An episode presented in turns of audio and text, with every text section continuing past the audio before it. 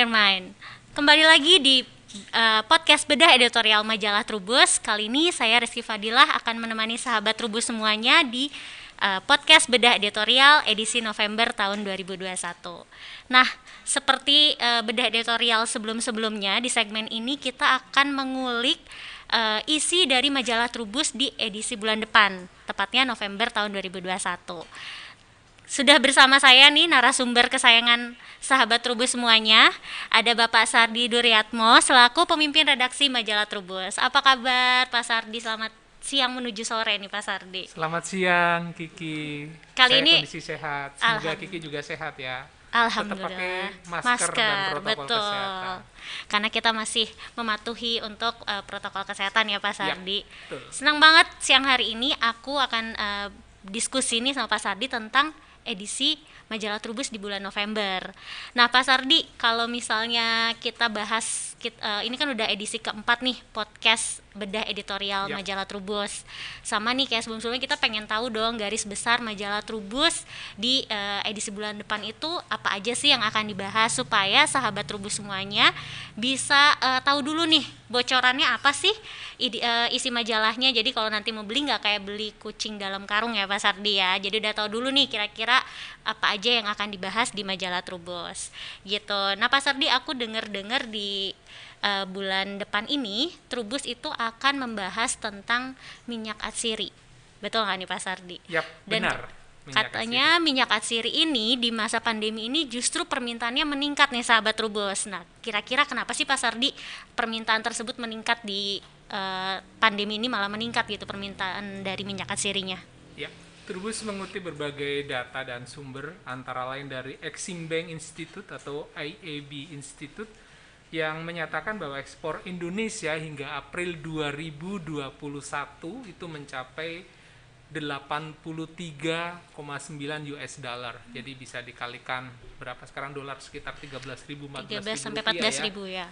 pertumbuhannya 15,5 persen dan kalau ke, per tahun ya itu masnya dibandingkan dengan 2020 yang ketika itu ekspor Indonesia 16,45 persen atau nilainya 215 US dollar. Nah nilai penjualan itu eh, karena kita memasarkan sekitar 7, sampai 54 juta ton minyak asiri meningkat 14 persen. Jadi 2020 ketika pandemi meningkat, saat ini pandemi juga belum berakhir, minyak asiri juga meningkat. Kenapa ya? Karena sebetulnya minyak asiri itu diperlukan untuk berbagai industri gitu. Tadi ketemu Kiki aja saya udah mencium, aduh harum banget Kiki, parfumnya keren dah. Parfummu itu juga terbuat dari minyak asiri gitu. Oh gitu ya Pak Nah, Sardi. tadi di rumah pakai detergen, pakai sabun, apa itu pasta gigi, ada minyak asirinya juga gitu. Jadi kebutuhan minyak atsiri itu sangat tidak terbatas sebetulnya Iya, ya Pak sebetulnya Sardi. karena berbagai apa industri itu memerlukan minyak asiri gitu. Mm. Oke baik. Nah sebelum masuk nih Pak Sardi, aku kan tadi dengar atsiri, asiri. Yang bener tuh atsiri atau asiri nih Pak Sardi? Takutnya aku salah ngomong kan? Iya, baik. Jadi kalau yang baku sebetulnya asiri tanpa T, Tanpa T ya? A S I R I asiri. Tetapi kalau misalnya sudah nama lembaga, contohnya misalnya di Indonesia ada Dewan Atsiri Indonesia, itu ya tetap harus kita hargai. Namanya pakai T ditulis terus pakai T gitu. Jadi kalau untuk penyebutan secara umum sebetulnya kalau mengacu pada eh, kamus besar bahasa Indonesia asiri tanpa T, tetapi kalau ini lembaga masih terus menulis tetap Dewan Atsiri Indonesia pakai T. Jadi harus di apa duduk perkaranya harus jelas gitu. Apakah ini kita bicara minyak asiri sebagai komoditas atau sebagai lembaga gitu. Hmm, Jadi kalau penulisan bakunya sebetulnya asiri tanpa iya T tanpa ya? T gitu. Jadi bilangnya minyak asiri, gitu. Asiri. Karena sering juga kan banyak yang bilangnya minyak atsiri. Oh Iya. berarti itu salah ya Pak Iya. Sardi ya? Yang betulnya minyak asiri. Oke, minyak asiri sendiri kan sebetulnya bahan bakunya tuh banyak banget ya Pak Sardi. Iya. Ada dari nilam, ada dari kayu manis, ada juga dari eh, serai. Nah, kalau yang Trubus bahas sendiri tuh sebetulnya minyak asiri dari bahan baku apa nih Pak Sardi? Apakah mungkin dibatasi eh, dari bahan baku tertentu atau eh, memang hampir semuanya nih dibahas sama Trubus? Ya, tanaman penghasil minyak asiri sangat banyak harus kita ketahui. Sekitar 150 sampai 200. Di Indonesia sendiri sekitar 50 yang diusahakan paling banyak. Nah, kalau kita bahas satu persatu sangat tidak mungkin. karena akan ada di permukaan gitu, kurang menghunjam. Nggak mendalam kurang, ya Pak uh, Sardi ya. Oleh karena itu harus memilih gitu. Trubus memilih beberapa komoditas yang dianggap baru. Ada jeruk purut, serai, dan nilam. Nilam dipilih juga karena dia merupakan minyak asiri yang boleh dibilang klasik karena dibutuhkan lebih banyak gitu. Hmm. Uh, ini Indonesia juga produsen uh, besar. Nah, khusus jeruk purut, Trubus menarik ke hulu gitu. Kalau tadi asiri kan di hilir udah pengolahan setelah panen. Di hulu maksudnya, Trubus juga membahas bisnis daun jeruk purut, kemudian buah jeruk purut, lalu minyak asiri jeruk purut yang hasil sulingan dari bagian tanaman itu gitu. Jadi fokusnya karena jeruk purut dianggap uh, sebagai minyak asiri yang baru dan uh, banyak kalangan mengatakan bahwa ini potensial untuk diusahakan pada masa mendatang gitu. Potensinya cukup besar sehingga Turbus juga mengkhususkan untuk mengulik kondisi bisnis jeruk purut itu sendiri. Jadi kalau minyak asiri dari jeruk purut itu sebetulnya hitungannya baru atau e, baru naik aja trennya Pak Sardi. Kalau sebelum-sebelumnya memang sudah ada tapi belum belum terlalu terkenal atau seperti apa? Ya, kalau di Indonesia yang menjadi jagoan antara nilam, Nilam. serai, cengkih dari daun ya. Itu yang menyebabkan Indonesia masuk 10 besar di peringkat ke-6 atau ke-7 saat ini sebagai produsen minyak asiri di dunia gitu. Peringkatnya eh, cukup eh, signifikan, cukup bagus. Nah, jeruk purut ini eh, kalau penelusuran di lapangan ya, eh, mulai banyak diusahakan dalam kurun 3-4 tahun sehingga mereka saat ini dalam kondisi sudah panen gitu. Sehingga ada bukti oh di lapangan memang serapannya bagus, eh, rendemennya berapa dan seterusnya itu bisa terdata gitu. Jadi boleh dikatakan jeruk purut ya dibandingkan dengan bahan-bahan lain relatif baru gitu. Dibandingkan dengan cengkeh misalnya, dibandingkan dengan kayu manis, dibandingkan dengan nilam, akar wangi misalnya, maka jeruk purut itu bisa dikategorikan sebagai minyak asiri baru lah yang mulai banyak digeluti oleh eh, para produsen atau penyuling. Jadi eh, sebetulnya mungkin sudah pernah ada ya Iya. dulu-dulu tapi trennya baru baru mulai dikenal Betul. banyak saat ini. Iya. Tapi kalau petaninya sendiri sebetulnya petani eh, jeruk purut ini tuh menghususkan memang oh saya menghususkan budidaya ini untuk menghasilkan eh, minyak asiri atau sebetulnya eh, yang digunakan itu adalah limbahnya atau seperti apa tuh Pak Sardi kalau di jeruk purut? Ya, kalau di jeruk purut sebetulnya kayak ada semacam mapping atau pemetaan gitu. Kalau dilihat petani-petani di daerah Jawa Barat seperti Kabupaten Garut cenderung memanen buahnya itu untuk ekspor, pasar ekspor. Heeh. Sementara di Jawa Timur sentranya antara lain di Kabupaten Tulung Agung itu lebih banyak memanen daunnya gitu. Hmm. Nah, kadang-kadang ada beberapa buah yang tidak lolos sortir atau daun dan ranting itu yang kemudian disuling menjadi minyak gitu. Kalau dahulu dibuang gitu. Sayang ketika afkir tidak memenuhi spesifikasi tidak diolah. Nah, sekarang ada teknologi pengolahan dan ini eh, menguntungkan karena harganya juga menarik. Harga minyak jeruk purut saat ini sekitar Rp600.000 per kilogram. Jadi sebetulnya ada yang memang sudah mengkhususkan memetakan budidayanya itu untuk menghasilkan minyak asiri, tapi juga untuk eh, menjual buahnya. Kalau pasar untuk buah jeruk purutnya sendiri sebetulnya seperti apa sih Pak Sardi peluang di eh, dalam negeri maupun di luar negeri ya di ekspor? Iya. Tadi ekspor sebetulnya jeruk purut juga kalau untuk petani ya tanam jeruk purut ini dengan catatan bibit hasil perbanyakan eh, vegetasi dari apa grafting atau sambung gitu ya pada umur satu setengah tahun sudah mulai panen jadi relatif cepat gitu ya petani populasinya dengan jarak tanam 10 kali 10 petani akan memerlukan sekitar 1000 bibit per hektar nah pada umur satu setengah tahun tadi kan sudah mulai panen Panen. Mm-mm. panen. Nah, eh, petani bisa memanen sekitar panen perdana ini pada panen pertama satu setengah tahun setelah tanam. Jadi kalau bulan Oktober November tanam gitu, jadi Oktober November tahun depan itu sudah mulai berbunga dan lima bulan kemudian panen itu sekitar satu ton Hmm. buah jeruk purut. Harganya di kisaran petani saat ini sekitar Rp10.000 rupiah di tingkat petani ya. Per ini banyak ya. permintaan ekspor ke ada beberapa perusahaan yang mengekspor ke uh, Eropa gitu Oh, cukup negara eh, Eropa yang justru banyak eh, Iya. mengimpor jeruk purut dari kita ya. Dari kita. Peruntukannya untuk apa sih Pak biasanya kalau di sana? Ya, jadi pamor jeruk purut sebetulnya eh, meningkat karena setelah ada antara lain ya dipicu oleh eh, Master Chef di Prancis yang memperkenalkan jeruk purut eh, sebagai bahan baku Oh. di masakan kreasinya gitu dan aromanya kan juga enak Iya. ya jeruk purut dan sebenarnya dan permintaan itu cenderung meningkat. Nah, banyak beberapa perusahaan yang ditemui Trubus menjalin kemitraan dengan petani agar pasokannya itu lebih aman, lebih eh, kontinu, lebih berkesinambungan gitu. Tidak kan kalau tidak mungkin kalau ekspor bulan Iya. ini ekspor terus besok berhenti kan tidak mungkin. Nah itu kerjasama dengan beberapa petani itu khusus buah gitu. Khusus buah ya. Iya. Jadi nanti kalau udah umur 4 tahun ya produksinya akan terus meningkat terus meningkat gitu. Petani bisa panen eh, setiap bulan. Nah itu menjadi pemasukan gitu bagi eh, petani. Kalau monokultur ada beberapa petani yang kemudian menumpang sarikan Oh, gitu itu dengan Sari apa sayuran lain sehingga bisa punya pendapatan di Tambahan luar ya. Ah, begitu. Oke, berarti tadi negara Eropa mengimpor jeruk purut dari kita tadi salah satunya dipopulerkan oleh salah seorang Hmm. Antara lain chef. pemicunya Antara lain ya, ya, ya. ya. Jadi digunakannya untuk bahan masakan juga sebetulnya Iya, ya Pak betul, Sardi iya. ya. Kalau minyak asiri jeruk purutnya sendiri itu sebetulnya pasarnya juga samakah untuk ekspor atau di eh, apa dalam negeri sendiri kebutuhannya tuh cukup tinggi? Ya, eh, kalau udah eh, tadi kan buah ya, buah jeruk purut. Jadi ada ada dua jalur sebetulnya kalau minyak bicara minyak jeruk purut. Ada yang eh, penyuling orang yang memproses bahan baku raw material menjadi minyak, ada yang memanfaatkan bahan baku buah, ada yang memanfaatkan bahan baku daun, dan Daun. ranting gitu. Oh, Jadi eh, yang menjadi pembeda kalau eh, petani memanfaatkan misalnya kita bicara apa eh, jeruk purut eh, buah misalkan ya jeruk purut buah. Ah, nah jeruk purut buah itu rendemennya sekitar 1 sampai 1,2 persen pada saat musim kemarau.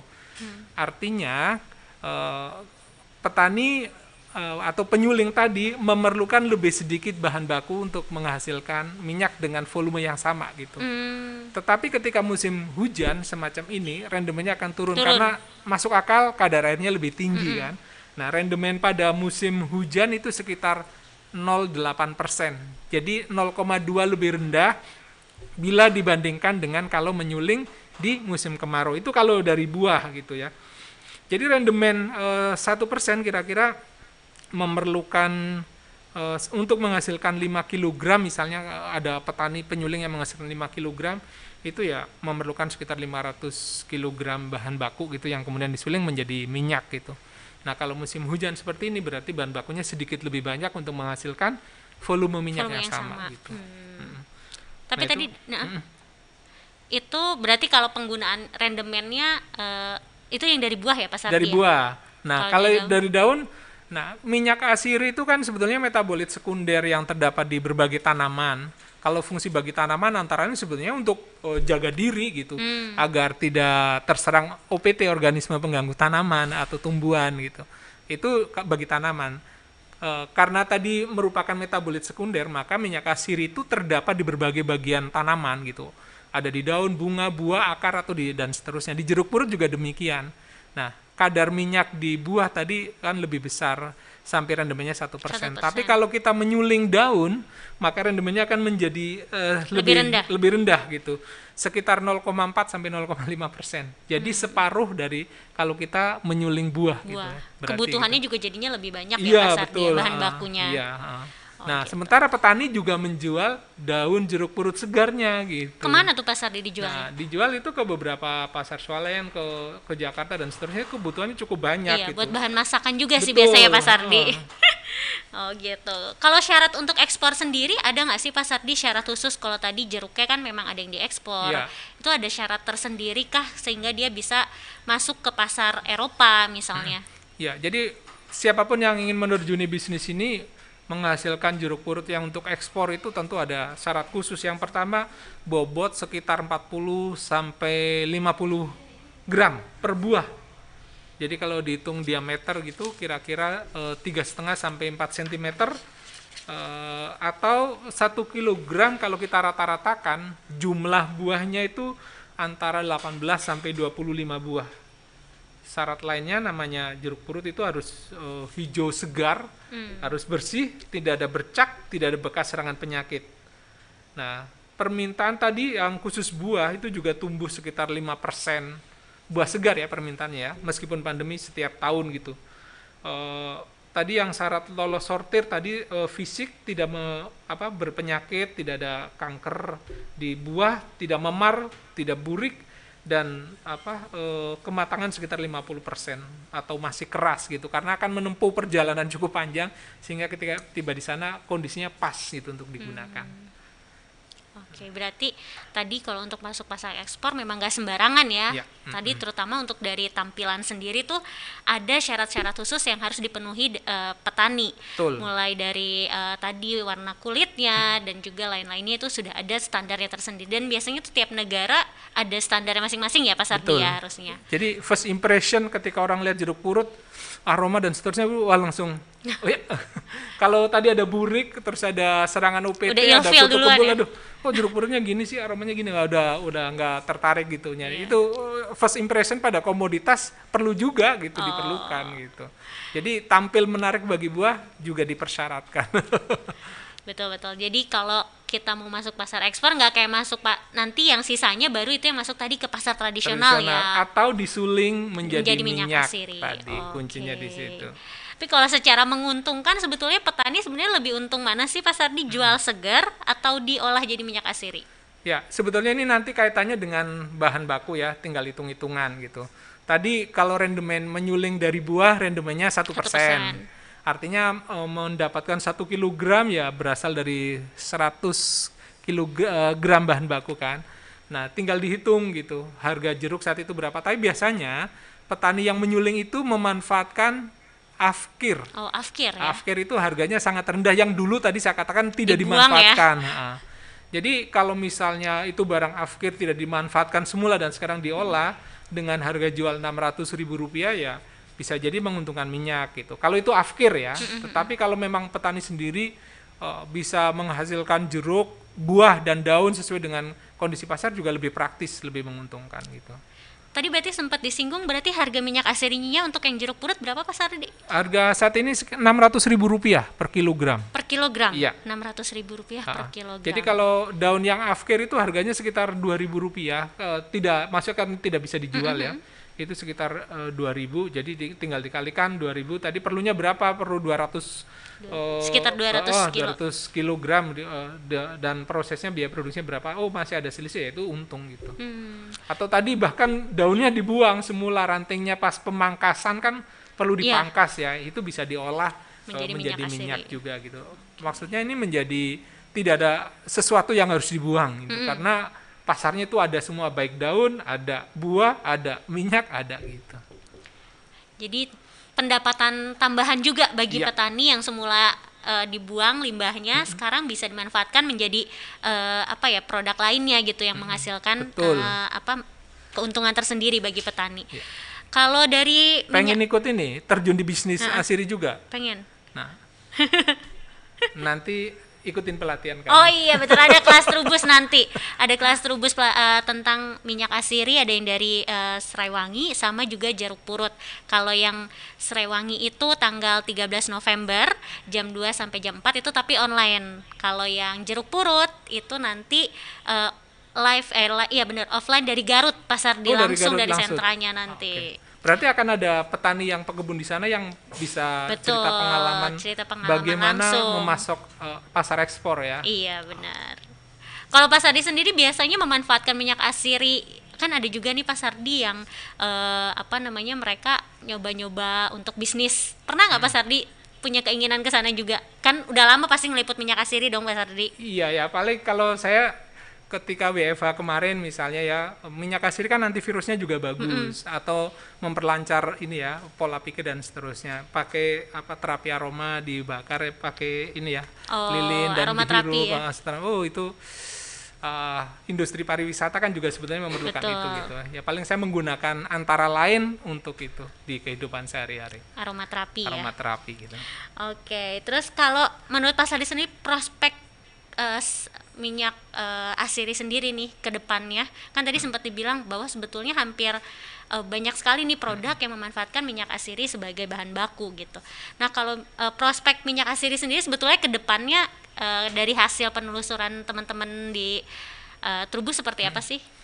Ya, jadi semakin tinggi gaya hidup seseorang gitu ya, semakin modern, itu minyak asiri semakin tidak bisa dipisahkan. Oh gitu, gitu. ya Pak Sardi. Ya orang uh, apa pakai parfum, pakai toiletries, pakai apa semuanya itu di dalamnya ada minyak asiri ada minyak gitu. Ya. Populasi dunia saat ini sekitar 7 miliar, makin hari makin bertambah dan itu kebutuhan minyak asiri juga akan semakin besar gitu. Mm -hmm. Kalau saya mengutip Dirjen Perkebunan Kementerian Pertanian Indonesia yang menunjukkan bahwa Serewangi saja kebutuhannya itu sekitar 2.500 ton per tahun. Oh. Uh, Indonesia itu memasok sekitar 500 uh, eh, ton per tahun, hmm, Cina 600. Jadi uh, pemasok terbesar dua negara ini yang menjadi oh. pesaing gitu. Ceruk pasarnya itu sangat terbuka ya, sangat besar. Makanya kalau tadi uh, Kiki mau ikut pelatihan serai itu salah satunya itu karena peluang bisnisnya besar ya. peluang bisnisnya juga besar gitu ada bahan baku industri sabun, parfum, kosmetik, antiseptik, aromaterapi. Itu antaranya juga memanfaatkan minyak asiri tadi gitu. Sehingga sangat besar peluangnya. Mungkin dari tadi kan kita bahas minyak asiri. Tapi ada nggak nih sahabat rubus yang mungkin belum tahu minyak asiri ini sebenarnya kegunaannya apa sih? Hmm. atau uh, kalau di sehari-hari kan tadi sudah dalam bentuk campuran di uh, aromaterapi atau di parfum. Hmm. nah mungkin ada nih Pak Sardi di sahabat rubus yang belum tahu sebenarnya minyak asiri itu apa sih gitu?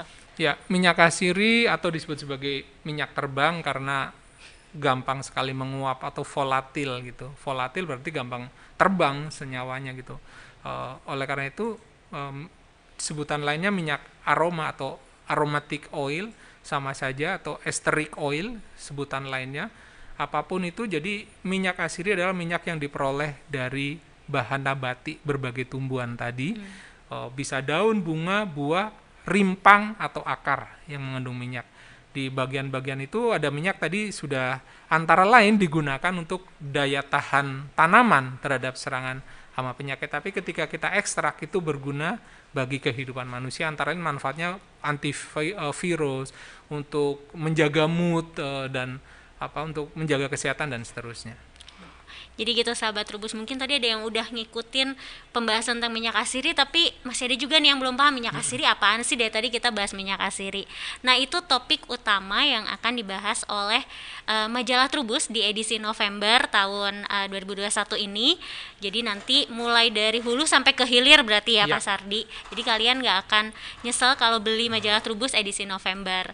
Kalau edi uh, rubrikasi lainnya ada yang menarik nggak nih Pak Sardi yang mungkin uh, sahabat Trubus bisa tahu dari tanaman hias apakah ada sesuatu yang baru yang ingin Trubus sampaikan? Ya, menarik uh, Trubus selalu ada kebaruan gitu. Oh, kalau nggak ada unsur barunya tidak bisa tampil Bener. di Trubus dong. Saya tanya kepada Kiki, Kiki pernah lihat avokat kulitnya warna apa saja coba? Yang pernah hmm, Kiki lihat? Warna hijau sih Pak Sardi. Atau paling ungu atau merah marun iya, ya? kemarun-marunan. Merah marun itu. Nah, sekarang ada avokat yang tampilannya beda banget. Warnanya hmm. kuning, makanya disebut avokat yellow gitu. Warnanya kuning terang. Kayak dalam kulitnya sendiri. Iya. Eh, dalam buahnya itu buahnya kulit gitu. buahnya, eh daging kuning, buahnya. Betul. Oh. Warnanya kuning, bentuknya bagus. Itu hmm. avokat baru di Indonesia. Memang avokat introduksi dari luar dan ini genja satu. Genja itu maksudnya uh, panennya lebih cepat ya dibandingkan dengan jenis avokat mm lain. Satu setengah tahun setelah oh. penanaman itu sudah Udah berbuah, panen. sudah panen. Kemarin dihitung sekitar 30 buah. Rasanya enak. Itu panen gurih. pertama 30 panen buah. pertama, iya. Wow. Satu setengah tahun. Avokat yellow dan satu lagi ada avokat yang bagian atasnya itu lonjong seperti mentimun, bawahnya itu agak bengkok menggelembung. Oh. Itu avokat 034 introduksi belum ada juga. Nama ininya ya, iya, masih, masih aksesi gitu. Nah, itu ada dua avokat baru yang juga diulas Trubus uh, menarik bagi para pehobi avokat di Indonesia gitu.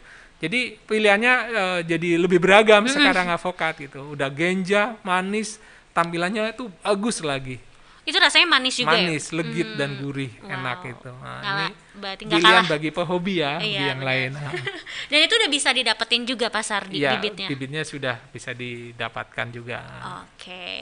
Itu dari segi buah tadi ada alpukat baru nih sahabat Trubus yang mungkin seneng ngoleksi eh, itu bisa di tabu lampot juga nggak sih Pak Ya, Sardi? tabu bisa lampot kan? bisa sangat memungkinkan. Tabu lampot alpukat yang nanti hasilnya eh, buahnya warnanya unik. Warnanya kuning, Kuning. tadi kayak daging buahnya sama satu bentuknya kayak mentimun. Nah, keren itu banget. dua avokat yang berbeda ya maksud saya ya. Yang pertama namanya avokat zelo yang tadi Yellow ya? karena yellow karena kulitnya Karena kuning, kuning-kuning. terang gitu. Tetapi ketika merah itu akan nanti berubah eh, ketika tua matang itu akan berubah sedikit merah gitu. Hmm. Kuning itu ketika apa dari kecil sampai dewasa itu kuning terus nanti matang berubah merah. Kan ada yang hijau nanti berubah keunguan, Keunguan, kan. Nah, betul. gitu. Oh, gitu. Nah, yang satu lagi yang tadi seperti berbentuk eh, silinder ya seperti mentimun tadi terus bawahnya agak menggembung. Itu avokat 034. Jadi 034. masih ada dua jenis avokat yang berbeda tadi yang kita diskusikan.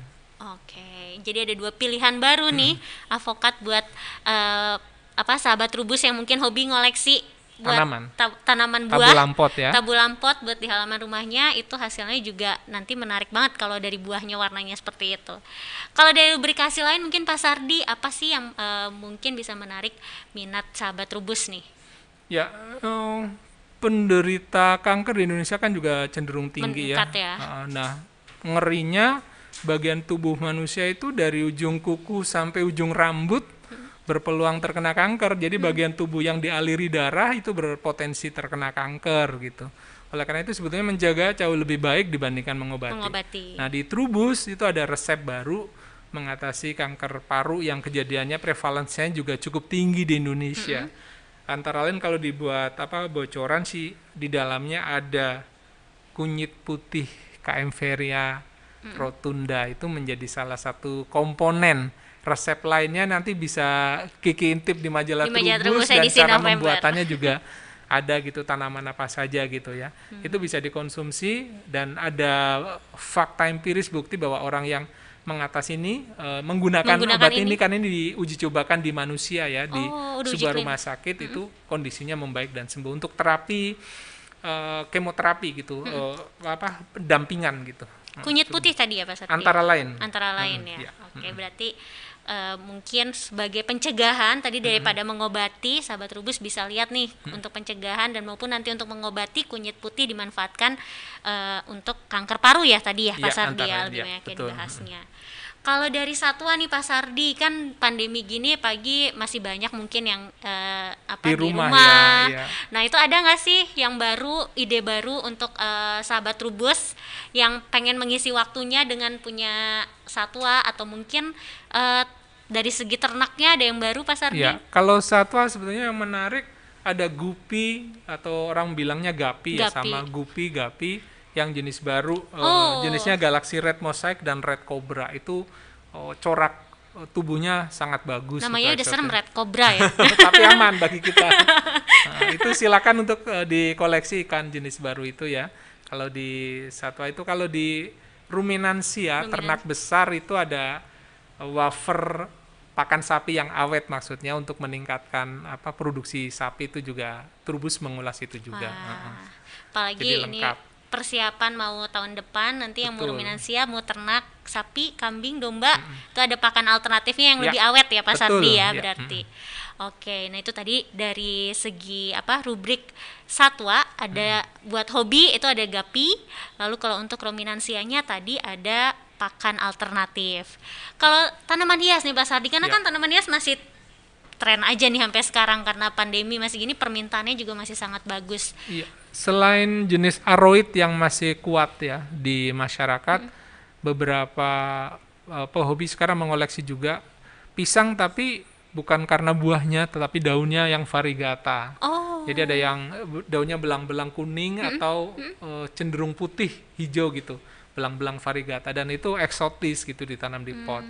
Jadi orang biasanya menanam pisang karena untuk mengambil buahnya. Saat ini menanam pisang karena keelokan daun gitu jatuh cinta itu ada juga. Tentu anggrek yang menjadi penggemarnya masih cukup banyak, Banyak ya. banget Nah, sih Pak Sardi kalau anggrek Kiki juga suka anggrek kan? suka. Nah. Cuma belum pernah berhasil lama gitu Pak Sardi. Tuh di Trubus ada rahasianya nggak tuh Pak Sardi kira-kira? Nah, ada cara merawat dan seterusnya atau ada pelatihan atau tidak nanti bisa dicek di ke kelas Trubus juga gitu. Oke. Hmm. Siap. Berarti tadi kalau tanaman hias masih seputaran ada uh, Aroid aroid antara yang lain. masih tren sampai sekarang di masa pandemi ini. Terus juga tadi yang paling menarik ada pisang. Pisang Daunnya yang daun ya. pisang yang eksotis. Nah, jadi bukan dima- dimakanin pisangnya ya Pak Sardi, Iya. tapi karena keunikan dari daunnya sendiri. Nah, eh, sahabat Rubus berarti kalian nggak akan nyesel kalau misalnya beli majalah Trubus edisi November karena tadi isinya menarik banget terutama di topiknya yang membahas minyak asiri. Jadi kalau kalian mau bisnis mau investasi minyak asiri menjadi salah satu eh, ini ya pasar di pilihan yang tepat Ya. karena tadi kebutuhannya tentunya akan terus meningkat setiap tahunnya. Oke kalau gitu kita masih eh, ada waktu nih Pak Sardi ngobrol-ngobrol lagi sedikit tentang rubrikasi mungkin ya Pak Ya. Sardi karena eh, apa kalau kita teman-teman eh, di redaksi kan terjun ke terjun ke lapangan itu pasti selalu menemukan hal-hal yang Hal baru, baru, iya. hal baru, hal menarik gitu. Tadi kalau eh, apa dari rubrikasi yang dibahas kan ada kebaruan nih yang diinikan. Tapi itu sebetulnya kalau yang baru-baru seperti itu tuh sahabat Rubus sudah bisa dapetin juga nggak sih Pak Sardi kalau misalnya dibahas? Ya, jadi majalah Trubus sangat selektif ketika menampilkan menyajikan informasi untuk pembaca. Pertama, akurat yang yang pertama itu ya. Jadi harus sesuai dengan fakta di lapangan.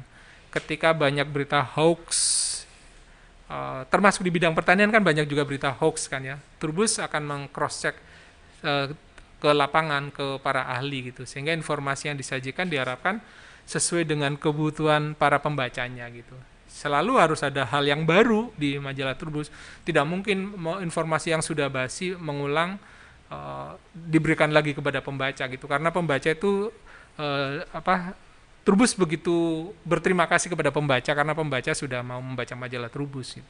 Jadi selalu dipastikan selalu ada hal yang baru selalu ada hal yang baru ya. Karena tadi minyak asiri sendiri kan kalau dulu pernah Trubus ngangkat juga banyak juga berita-berita hoax yang beredar di masyarakat Betul, ya Pak iya. Sardi. Dan ini salah satu wadah untuk eh, apa namanya mengcounter hoax-hoax tersebut dan memberikan fakta-fakta terbaru Iya. dari eh, komoditas-komoditas yang dibahas. Oke Pak Sardi ini sebelum eh, kita tutup podcastnya mungkin Pak Sardi mau sedikit memberikan eh, apa namanya pencerahan ke sahabat Trubus tentang eh, minyak asiri tadi sebagai topik utama. Ya, mm, minyak asiri peluangnya cukup besar karena ke depan eh, bukan hanya ke depan pada saat ini manusia terus bertambah dan kehidupan modern itu tidak bisa dipisahkan dengan minyak asiri. Eh, investasi di minyak asiri tadi juga terus hati-hati harus selektif komoditasnya, spesies yang ditanam harus tepat sasaran gitu eh, karena misalnya nanam jeruk itu bibitnya asal-asalan investasinya nanti akan sia-sia investasi biaya tenaga terutama waktu yang tidak bisa diputar lagi. Oleh karena itu tetap harus berhati-hati. Jadi kalau mau info terpercaya jangan lupa baca majalah Trubus. Oke, terima kasih banyak sahabat Trubus yang mengikuti podcast eh, bedah editorial di siang hari ini. Nanti kita akan ketemu lagi di jam 3 sore. Masih ada lagi nih satu lagi podcast nih Pak Sardi. Nanti bersama dengan teman-teman redaksi dari Trubus juga. Jadi jangan sampai ketinggalan. Nanti jam 3 kita masih ada podcast lainnya. Terima kasih banyak Pak Sardi karena sudah sharing ke kita nih tentang eh, majalah Trubus edisi November. Mudah-mudahan sahabat Trubus udah dengerin eh, tadi penjelasan singkat dari Pak Sardi, tertarik buat beli eh, majalah Trubus edisi November. Sekali lagi aku ngucapin terima kasih dan sampai ketemu di podcast berikutnya. terima kasih Kiki